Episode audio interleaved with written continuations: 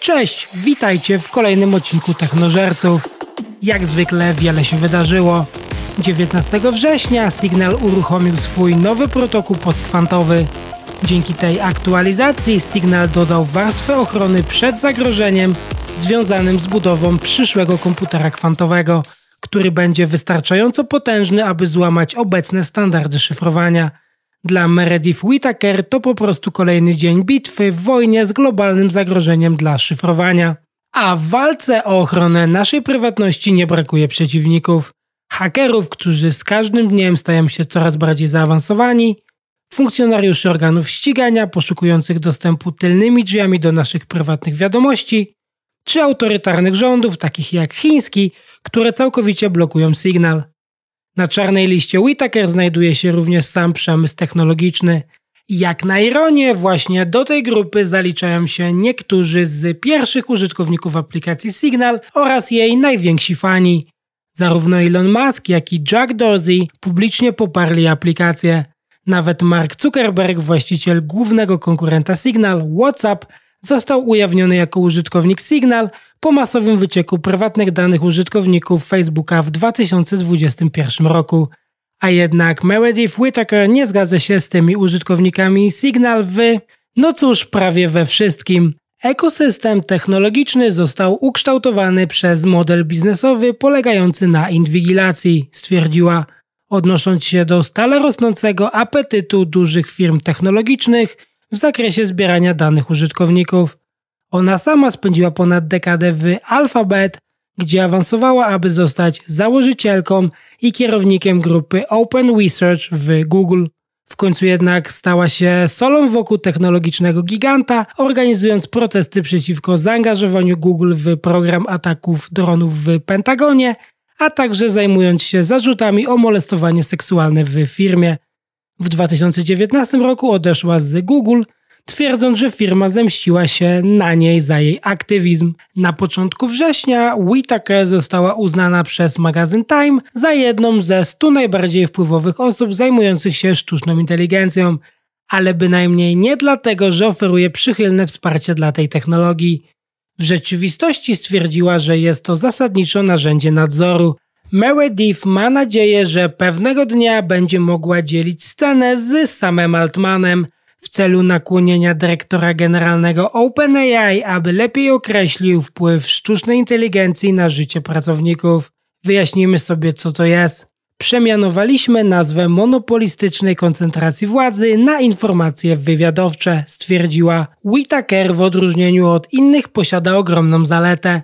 Mianowicie jest skłonna nawiązać dialog ze swoimi ideologicznymi przeciwnikami, niezależnie od tego, czy są to prawodawcy, czy dyrektorzy do spraw technologii.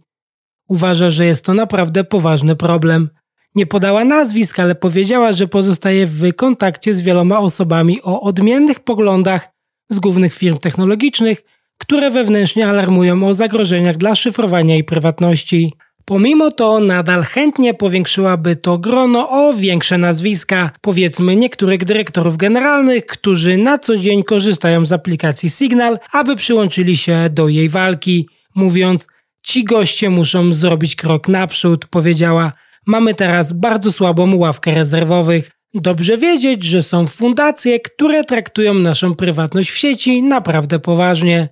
Jeśli więcej Wam zależy na prywatności i uważacie, że warto o nią walczyć, rozważcie używanie aplikacji Signal na co dzień, a także wpłacenie darowizny na jej rozwój. Ponadto porozmawiamy dzisiaj o rosnącym napięciu pomiędzy platformami technologicznymi a sztuczną inteligencją, jak Google nauczył sztuczną inteligencję wątpić w siebie, o nadchodzących syntetycznych sieciach społecznościowych, a na koniec odpowiem na kilka zadanych przez Was pytań. W takim razie zaczynajmy. Kojarzycie kultowe zdjęcie nieznanego Chińczyka, znanego szerzej jako nieznany buntownik, który w czerwcu 1989 roku stał w proteście przed kolumną czołgów opuszczających plac Niebiańskiego Spokoju. No więc teraz, szukając tego zdjęcia w internecie możecie się natknąć na selfie wygenerowane przez sztuczną inteligencję z tego historycznego wydarzenia. Samo w sobie selfie nie jest nowym obrazem, gdyż po raz pierwszy zostało opublikowane na subreddicie Mid Journey ponad 6 miesięcy temu, gdzie zebrało około 1200 pozytywnych głosów. i nigdy nie było celową próbą wprowadzenia kogokolwiek w błąd. Jednakże fałszywe selfie zostało na krótko zaprezentowane jako autentyczny wizerunek czołgisty przez Google. I z jednej strony jest to dość niewielka pomyłka, biorąc pod uwagę skalę, na jaką działa Google, z drugiej jednak strony jest to rodzaj zapytania, w przypadku którego wyszukiwarki powinny wykazywać większą dbałość o szczegóły. W 2021 roku Microsoft był zawstydzony, gdy wyniki wyszukiwania nieznanego buntownika przestały się pojawiać w Bing nawet w Stanach Zjednoczonych, a sama firma obwiniła za tą usterkę błąd ludzki. Ludzie są jednak zaniepokojeni, a pewien użytkownik na Twitterze stwierdził, że wyszukiwarki będą bezużyteczne w ciągu najbliższej dekady, gdy jego pierwszym wynikiem w Google było selfie wygenerowane przez sztuczną inteligencję zamiast oryginalnego obrazka. Wyszukiwarka nie blokuje obrazów generowanych przez sztuczną inteligencję i w opinii wielu ludzi zaznajomionych z tematem nie powinna tego robić, biorąc pod uwagę liczbę osób, które szukają takich obrazów, nie mając żadnych złych intencji. Jednocześnie trzeba sobie odpowiedzieć na następujące pytanie. Ile obrazów wygenerowanych przez AI będzie krążyć po sieci, które Google potencjalnie przedstawi jako autentyczne? Można się zastanawiać, jak szybko platformy rozwiną możliwości wykrywania błędnych wyników, zanim skontaktują się z nimi w tej sprawie reporterzy. Problem wydaje się szczególnie poważny, ponieważ w tym samym czasie, gdy zespoły do spraw jakości wyszukiwania pracują nad tym, aby postacie takie jak fałszywy, nieznany buntownik nie pojawiały się na stronie wyników wyszukiwania, inne zespoły w firmie przyspieszają produkcję multimediów wygenerowanych przez AI. Weźmy na przykład YouTube który we wrześniu ogłosił pakiet kreatywnych narzędzi do tworzenia filmów. Wśród nich ma się pojawić nowa funkcjonalność o nazwie Dream Screen, która ma pomóc użytkownikom przy produkcji shortów poprzez tworzenie tła wideo lub obrazu wygenerowanego przez sztuczną inteligencję, po prostu wpisując co chcesz zobaczyć. Brzmi naprawdę fajnie, tylko co jeśli ktoś spróbuje wygenerować plac niebieskiego spokoju w 1989, co w mojej opinii jest tylko kwestią czasu.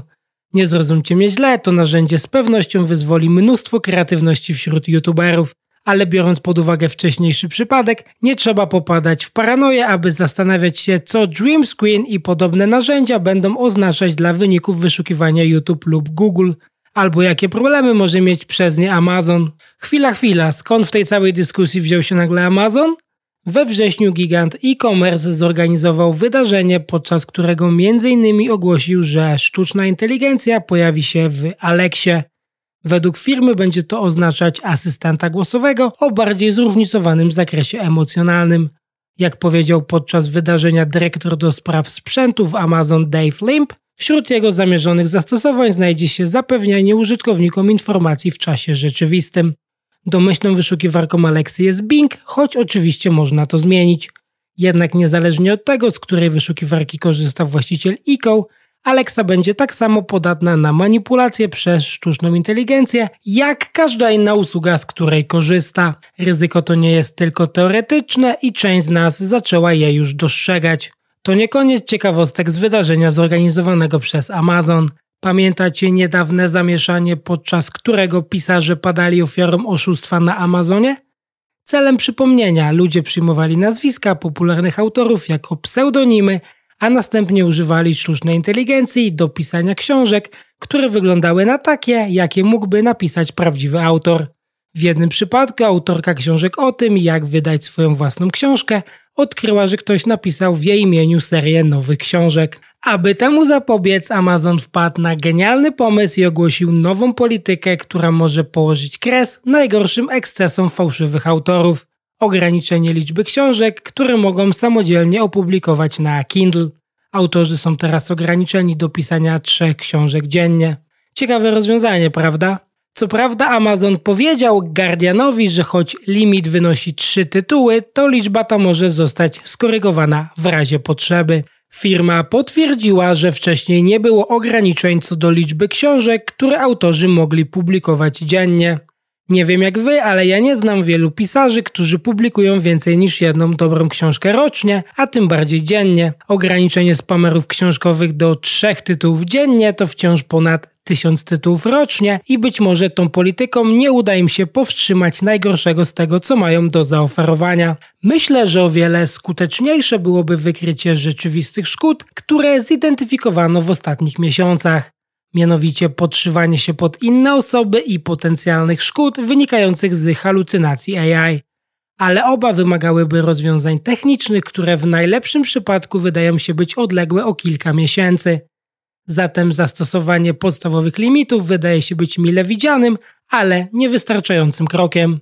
A problem może się okazać jeszcze trudniejszy do rozwiązania – tej jesieni na rynku pojawi się mnóstwo nowych narzędzi kreatywnych i zwiększających produktywność opartych na sztucznej inteligencji.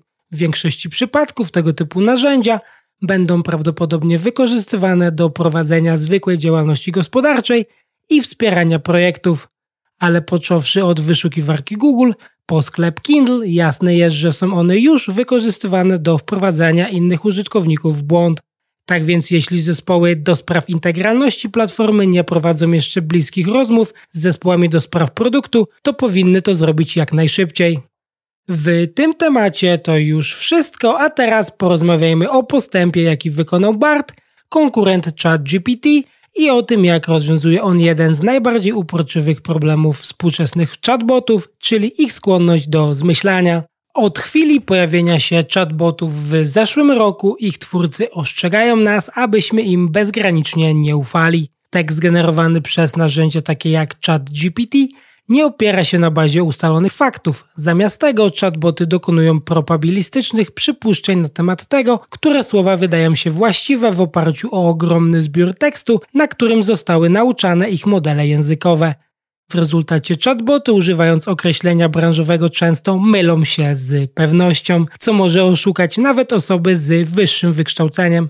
Jak widzieliśmy w tym roku na przykładzie prawnika, który przedstawił cytaty wygenerowane przez ChatGPT, nie zdając sobie sprawy, że każda pojedyncza sprawa została przez niego sfabrykowana. Dlatego wielu użytkowników uważa, że chatboty są w większości bezużyteczne jako asystenci naukowi. Powiedzą ci wszystko, co chcesz wiedzieć, często w ciągu kilku sekund, ale w większości przypadków bez cytowania, skąd takowe informacje pozyskały. W rezultacie spędzasz dużo czasu na badaniu odpowiedzi, aby sprawdzić, czy są prawdziwe, co zdaniem wielu niweczy w ogóle cel ich użycia. Zaraz po uruchomieniu na początku tego roku Google Bard był wyposażony w przycisk Google It, który przesyłał zapytanie do wyszukiwarki firmy dzięki czemu uzyskanie drugiej opinii na temat wyników chatbota było nieco szybsze, ale nadal nakładało na ciebie ciężar sprawdzenia, co jest prawdą, a co fałszem. Jednak od 19 września Bart wykona w Twoim imieniu nieco więcej pracy. Gdy chatbot odpowie na jedno z Twoich zapytań, naciśnięcie przycisku Google po raz kolejny sprawdzi otrzymaną przez Ciebie odpowiedź. Firma wyjaśniła to w swoim wpisie na blogu w następujący sposób. Po kliknięciu ikony G, Bart przeczyta odpowiedź i oceni, czy w internecie znajdują się treści potwierdzające tę odpowiedź. Gdy stwierdzenie będzie można ocenić, możesz kliknąć wyróżnione frazy i dowiedzieć się więcej o informacjach potwierdzających lub zaprzeczających wcześniej znalezionych przez wyszukiwarkę. Dwukrotne sprawdzenie zapytania spowoduje, że wiele zdań w odpowiedzi zmieni kolor na zielony lub brązowy. Odpowiedzi zaznaczone na zielono zawierają linki do cytowanych stron internetowych po najechaniu kursorem na jeden z nich, BART pokaże Ci źródło udzielonej informacji. Odpowiedzi wyróżnione kolorem brązowym wskazują, że BART nie wie skąd pochodzą informacje, co powinno Ci pomóc zidentyfikować prawdopodobny błąd. Jack Krawczyk, starszy dyrektor do spraw produktów Google, podczas rozmowy z Platformer opowiedział następującą historię. Krawczyk ugotował w domu miecznika i jak to przy gotowaniu bywa, powstały zapach rozniósł się po całym domu. Jack użył więc Barda do wyszukania sposobów pozbycia się tego problemu, a następnie dwukrotnie sprawdził wyniki, aby oddzielić fakty od fikcji. Okazuje się, że dokładne sprzątanie kuchni nie rozwiąże problemu, jak pierwotnie stwierdził chatbot. Pomocne może być jednak umieszczenie w domu misek z sodą oczyszczoną. Jeśli zastanawiacie się, dlaczego Google nie sprawdza dwukrotnie takich odpowiedzi przed pokazaniem ich tobie, To cytując klasyka, to nie bug, tylko feature. Zdaniem Krawczyka, biorąc pod uwagę dużą różnorodność sposobów, w jaki ludzie korzystają z Barda, ponowne sprawdzanie jest często niepotrzebne, bo przecież nie prosiłbyś go o ponowne sprawdzenie napisanego przez ciebie wiersza lub e-maila i tak. A może jednak, i choć podwójne sprawdzenie stanowi wyraźny krok naprzód, to często wymaga pobrania wszystkich cytatów i upewnienia się, że Bart poprawnie interpretuje wyniki wyszukiwania. Mimo to, moim zdaniem, jest to mile widziany rozwój. Być może stworzyliśmy pierwszy model języka, który przyznaje się do błędu, powiedział Krawczyk. Biorąc pod uwagę stawkę w miarę udoskonalenia tych modeli, zapewnienie, że modele sztucznej inteligencji dokładnie przyznają się do swoich błędów, powinno być dla branży wysokim priorytetem. W dłuższej perspektywie pytanie brzmi, jak dobrze sztuczna inteligencja będzie w stanie kontrolować swoją pracę. Obecnie zadanie kierowania chatbotami w stronę właściwej odpowiedzi nadal spoczywa głównie na osobie wpisującej zapytanie. W tym momencie niezwykle potrzebne są narzędzia, które nakłonią sztuczną inteligencję do cytowania źródeł swojej pracy. Mam nadzieję, że ostatecznie większa część tej pracy spadnie na same narzędzia, i to bez konieczności ciągłego proszenia o to, ale póki co dobre i to. I jako ostatni poruszmy w tym segmencie temat syntetycznych sieci społecznościowych. W poniedziałek 25 września OpenAI wypuściło najnowsze aktualizacje dla ChatGPT. Jedna z funkcji pozwala na interakcję z modelem językowym za pomocą głosu, inna umożliwia przesyłanie zdjęć i zadawanie pytań na ich temat. W rezultacie narzędzie, które było już przydatne do wielu rzeczy, nagle stało się przydatne do znacznie większej ich liczby. Po pierwsze, ChatGPT wydaje się jeszcze potężniejszy jako aplikacja mobilna. Możesz teraz rozmawiać z nią podczas spaceru po mieście lub zrobić zdjęcie drzewa i zapytać aplikację na co tak w zasadzie patrzysz. Po drugie, dodanie głosu do ChatGPT zaczyna zdaniem wielu użytkowników dodawać mu nuty osobowości. I może coś w tym jest, bo aplikacja zazwyczaj generuje suchy, sterylny tekst pozbawiony jakiegokolwiek stylu. Z perspektywy użytkownika coś się jednak zmienia, gdy zaczynasz rozmawiać z aplikacją w jednym z pięciu natywnych głosów, które są znacznie żywsze i bardziej dynamiczne niż to, do czego jesteśmy przyzwyczajeni w przypadku Alexy czy asystenta Google. Dostęp do funkcji głosowej jest dopiero udostępniany subskrybentom ChatGPT Plus i bezpłatni użytkownicy nie będą mogli z niej jeszcze korzystać przez jakiś czas. Ale nawet w wersji 1.0 widać wyraźne zarysy tego rodzaju rzeczy spopularyzowanych w liczącym 10 lat filmie Ona. Mianowicie ChatGPT może się jawić jako towarzysz tak ciepły, empatyczny i pomocny, że z czasem użytkownicy się w nim zakochują. Ci z nas, którzy są pobłogosławieni posiadaniem w swoim życiu członków rodziny oraz wielu bliskich przyjaciół, mogą patrzeć na takie narzędzia z pogardą, doświadczając tego, co oferują jako mdłej atrapy ludzkich interakcji. Ale wyobrażam sobie, że mogło to by wyglądać inaczej w przypadku osób samotnych, odizolowanych lub znajdujących się na marginesie. Być może rozpoczyna się nowy rozdział w sieciach społecznościowych. Do tej pory, gdy mówiliśmy o sztucznej inteligencji w aplikacjach konsumenckich, miało to głównie związek z wykorzystaniem narzędzi uczenia maszynowego do tworzenia bardziej angażujących i spersonalizowanych kanałów informacyjnych dla miliardów użytkowników. W zeszłym tygodniu poznaliśmy co najmniej dwa nowe sposoby myślenia o sztucznej inteligencji w kanałach społecznościowych. Jednym z nich są obrazy generowane przez sztuczną inteligencję w postaci nowych naklejek pojawiających się w aplikacjach do przesyłania wiadomości Meta. Co prawda nie jest dla mnie jasne, ile czasu ludzie chcą spędzać na tworzeniu niestandardowych obrazów podczas wysyłania wiadomości do znajomych, ale demonstracja całego procesu wyglądała dość interesująco. Jest jeden haczyk. Nowa funkcja w ciągu najbliższego miesiąca zostanie udostępniona wybranym anglojęzycznym użytkownikom WhatsApp, Messenger, Instagram i Facebook Stories. Także w Polsce będziemy musieli na nią trochę dłużej poczekać. Ważniejszy jest jednak pomysł, zgodnie z którym Meta planuje umieścić postacie AI na każdej powierzchni swoich produktów. Takowe postacie już teraz mają swoje strony na Facebooku i konta na Instagramie.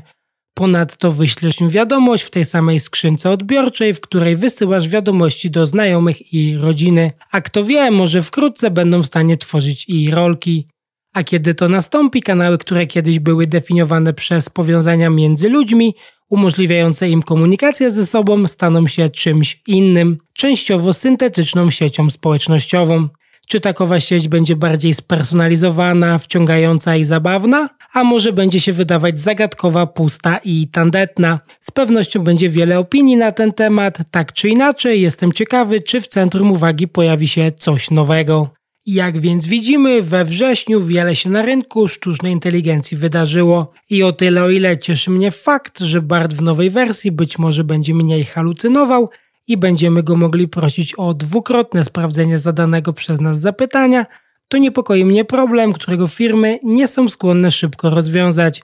Chodzi mi oczywiście o tworzenie treści mających celowo wprowadzać innych użytkowników w błąd, czy to poprzez podszywanie się pod pisarzy, czy tworzenie realistycznych grafik mających zasiać ziarno niepokoju. Co do syntetycznych sieci społecznościowych, wydaje się to być całkiem ciekawy pomysł i nie mam nic przeciwko niemu. Natomiast będę z wami szczery, nie sądzę, abym był grupą docelową takiego produktu.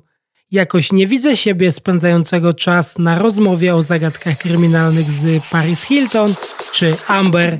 A wy co myślicie o tym pomyśle? Korzystalibyście z takiej sieci na co dzień, czy tak jak ja nie widzicie dla niej zastosowania u siebie? W tym segmencie to już wszystko, a po krótkiej przerwie przejdziemy do odpowiedzi na zadane przez Was pytania. Po więcej informacji ze świata technologii i codzienną dawkę zabawnych tweetów zapraszam Was na Instagram Technożercy. A jeśli interesuje Was krótki kontent technologiczny, to koniecznie wpadnijcie na konto Technożercy na wcześniej wspomnianym Instagramie, Xie oraz TikToku. W tej części odpowiem na Wasze pytania zadane za pośrednictwem Instagrama, jak i mailowo. Jeśli zadaliście pytanie, a nie odpowiedziałem na nie w tym odcinku, to na pewno odpowiem na nie w kolejnym. Zaczynajmy. Pytanie pierwsze. Czy bezpieczne jest kodowanie telefonu na twarz? Co się stanie jak zemdlejesz i czy cię w karetce okradną? Dobre pytanie. W przypadku używania Face ID do odblokowania swojego iPhone'a ratownicy medyczni w karetce mieliby dość utrudnione zadanie, aby twój telefon odblokować. Dlaczego? Dlatego, że Face ID rozpoznaje, czy masz otwarte oczy i patrzysz w stronę urządzenia. Utrudnia to innym osobom odblokowanie urządzenia bez Twojej wiedzy, na przykład gdy śpisz. Co więcej, funkcja Face ID dokonuje porównania informacji o głębi, których nie można znaleźć w odbitkach fotografii ani dwuwymiarowych zdjęciach cyfrowych. Dzięki zastosowaniu zaawansowanych antyfałszerskich sieci neuronowych Face ID chroni przed fałszerstwami wykorzystującymi maski lub inne techniki. Drugim istotnym problemem, który musieliby rozwiązać wątpliwej moralności ratownicy medyczni, jest fakt, że wprowadzenie kodu jest wymagane po pięciu nieudanych próbach dopasowania twarzy. Zgadnięcie sześciocyfrowego kodu składającego się domyślnie z samych cyfr może się okazać zatem dużo łatwiejsze, ale również i tutaj ratownicy mieliby ciężki orzech do zgryzienia, oczywiście jeśli włączyłaś wcześniej funkcję wymasz dane, która wymazuje dane z iPhone'a po 10 błędnych próbach podania kodu. Tym samym przechodzimy do tego, czy stosowanie takiego rozwiązania jest bezpieczne. I z jednej strony tak, gdyż Apple czy Samsung wprowadzają zabezpieczenia najwyższej klasy, aby tak było. W przypadku Face ID prawdopodobieństwo, że przypadkowa osoba z populacji ludzi spojrzy na Twojego iPhone'a i go odblokuje przy użyciu funkcji Face ID wynosi mniej niż 1 do miliona w przypadku jednego zarejestrowanego wyglądu niezależnie od tego, czy nosisz maseczkę. Co prawda, statystycznie prawdopodobieństwo jest wyższe w przypadku używania funkcji Face ID z maseczką oraz w przypadku bliźniąt i rodzeństwa o podobnych rysach twarzy, a także wśród dzieci w wieku poniżej 13 lat, ponieważ ich charakterystyczne rysy twarzy mogą nie być w pełni rozwinięte. Sprawa przedstawia się gorzej w przypadku potencjalnego wycieku Twoich danych biometrycznych gdyż w przeciwieństwie do hasła nie możesz ich zmienić, a przynajmniej nie w łatwy i bezbolesny sposób.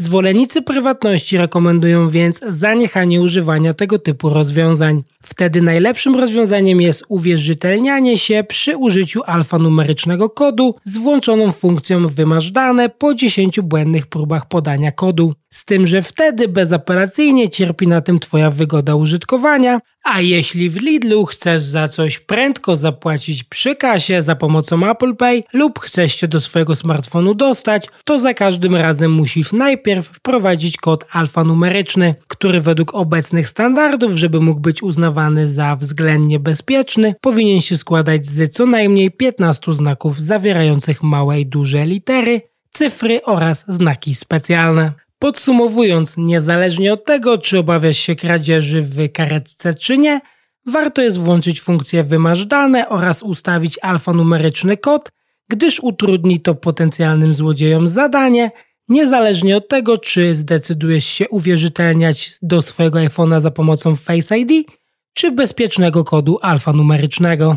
Pytanie numer dwa. Na co zwrócić uwagę przy zakupie słuchawek? Na początek warto by się skupić na przeznaczeniu słuchawek, czyli po prostu do czego miałyby być. Do użytkowania na co dzień, do treningów czy tylko do domowego użytku. Następnie musimy określić, jak słuchawki mają się z naszymi urządzeniami łączyć, czyli po kablu czy bezprzewodowo oraz czy mają to być słuchawki douszne czy nauszne. Do dalszej dyskusji załóżmy więc, że rozmawiamy o słuchawkach łączących się bezprzewodowo do codziennego użytku.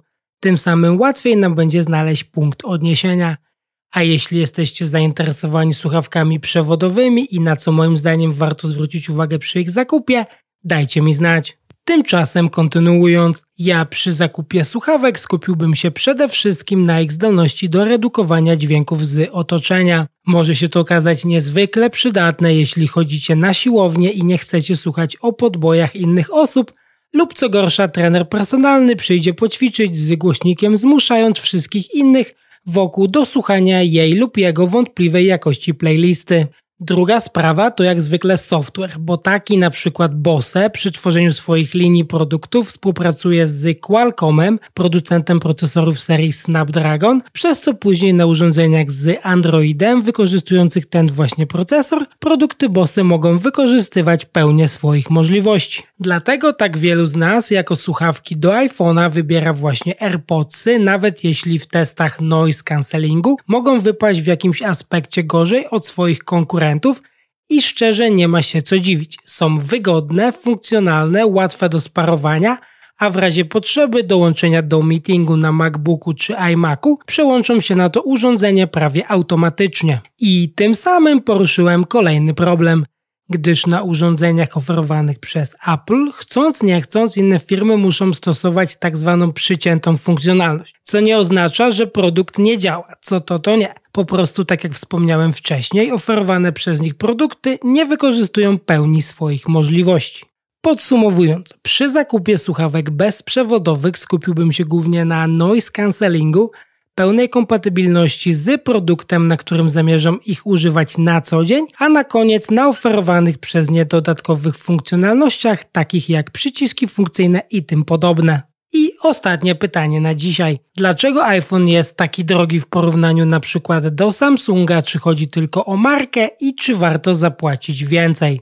Na cenę iPhone'a w Polsce ma wpływ wiele czynników, takich jak kurs dolara oraz cło, ponadto w modelach Pro do ich ceny przyczynia się również jakość zastosowanych materiałów oraz chipów użytych do ich produktów. I tak, iPhone'a możemy kupić taniej za oceanem, gdzie podstawowy model 15 Pro Max z 256 GB kosztuje 1199 dolarów, a także w ciągu roku dostępne są na niego liczne promocje oraz program Apple Trading, gdzie wymieniając swojego starego iPhone'a możemy dostać do 650 dolarów zwrotu, coś o czym w Polsce możemy póki co tylko pomarzyć. Dla porównania u nas za taki sam model musimy zapłacić 7199 zł. Dlatego gdyby ludzie kupowali smartfony kierując się rozsądkiem i stosunkiem jakości do ceny do funkcjonalności, to naturalnym wyborem byłby Samsung, który na swoje modele w Polsce oferuje liczne promocje oraz program odkup. Wykonanie smartfona oraz prestiż marki to jedno. Druga sprawa to software oraz jego funkcjonalność. W tym miejscu możemy spędzić wiele godzin dyskutując, czy Android jest lepszy od iOS i odwrotnie. Nie możemy się jednak nie zgodzić z tym, że jeśli jako telefon używasz Apple, do pracy używasz MacBooka czy iMac'a, wiadomości przeglądasz na iPadzie, telewizję oglądasz na Apple TV, twój codzienny towarzysz treningów oraz meetingów to Apple Watch, a słuchawki w uszach to AirPodsy, to nie ma dla Ciebie na rynku żadnej alternatywy. I to nie tak, że nie ma konkurencji dla każdego z wcześniej wymienionych produktów z osobna, bo oczywiście są produkty i to działające lepiej lub gorzej niż te od Apple. Natomiast żadna firma poza tą z Cupertino nie zaoferuje Ci połączenia tych wszystkich urządzeń w jeden spójny ekosystem. Zasada w tym miejscu jest prosta. Czym bardziej jesteś przyzwyczajony, że kupując nowe urządzenie od Apple wystarczy ci kilka minut konfiguracji i wszystko po prostu działa, a twoje dane automatycznie się synchronizują, tym bardziej jesteś uzależniony od ekosystemu Apple i tym trudniej będzie ci się przenieść na cokolwiek innego. I nie ma się co dziwić, bo ekosystem Apple, pomimo braku w Polsce Apple News, czy Apple Fitness Plus, czy wspomnianej w odcinku 9 Apple Credit Card, działa naprawdę bardzo dobrze. Natomiast oczywiście nie przypadnie do gustu każdemu. Kolejnym aspektem są częste aktualizacje dostępne dla wszystkich użytkowników w tym samym czasie na całym świecie oraz wsparcie zakupionego modelu przez plus minus 5 lat. I mimo to, iż coraz więcej firm oferuje już podobne wsparcie w tym zakresie, to nadal na rynku smartfonów nie jest to standard. Ponadto w kwestii bezpieczeństwa do naszej dyspozycji dostępny jest zarówno tryb blokady, po włączeniu którego aplikacje, witryny i funkcje podlegają surowym ograniczeniom mającym zapewnić bezpieczeństwo, a część z nich nie jest w ogóle dostępna. Oraz przy posiadaniu dwóch kluczy FIDO, zaawansowana ochrona danych, po włączeniu której nasze dane są wysyłane do iCloud w postaci szyfrowania end-to-end, a odszyfrowane tylko na naszych zaufanych urządzeniach. Nie wspominając już o ostrzeżeniach dotyczących treści poufnych, które pozwolą Ci podjąć decyzję, czy chcesz otrzymywać ostrzeżenia o przesłanych Tobie zdjęciach lub plikach wideo, które mogą zawierać nagość. Oczywiście feature ten działa najlepiej w dedykowanych aplikacjach Apple. No dobra, ale czy warto zapłacić więcej za iPhone? Jak zwykle w tym miejscu odpowiedź brzmi: to zależy. Jeśli jesteś zamknięty w ekosystemie Apple, to na pewno warto, natomiast jeśli z ich linii produktów używasz tylko iPhone'a, to na rynku znajdziesz dużo ciekawsze propozycje o podobnej funkcjonalności, które będą znacząco tańsze. A jeśli podoba Ci się design czy logo nadgryzionego jabłka oraz prestiż firmy z Cupertino w Polsce, to i tak podjąłeś już tą decyzję samodzielnie. W tym segmencie to już wszystko. Dziękuję za wszystkie otrzymane pytania. Pamiętajcie, że możecie je zadawać w każdy piątek za pośrednictwem relacji na Instagramie oraz codziennie wysyłając maila na adres feedback@technozercy.xyz. I tym akcentem kończymy. Już teraz zapraszam Was na kolejny odcinek. Dziękuję, że byliście ze mną do końca. Jeśli subskrybujesz już ten podcast, to otrzymujesz ode mnie AirPods Pro, a jeśli nie, to na siłowni dalej musisz słuchać wątpliwej jakości playlisty trenerów personalnych puszczających muzykę z głośnika. Koniecznie podzielcie się swoimi przemyśleniami, czy prywatność jest dla Was istotna i czy na siłowni ćwiczycie w słuchawkach, czy słuchacie muzyki z głośnika. Dajcie mi znać w komentarzu, wiadomości prywatnej na Instagramie, czy gdziekolwiek Wam najwygodniej. Jeśli macie jakieś pytania odnośnie tematów poruszanych w podcaście, czy ogólnie odnośnie technologii lub chcielibyście, abym jakiś temat poruszył, dajcie mi znać. Czekam na Wasze maile pod adresem feedback.technozercy.xyz. Zapraszam Was również na Instagram, Facebooka, Twittera, TikToka oraz YouTube. Dzięki za każdą otrzymaną opinię. Do usłyszenia.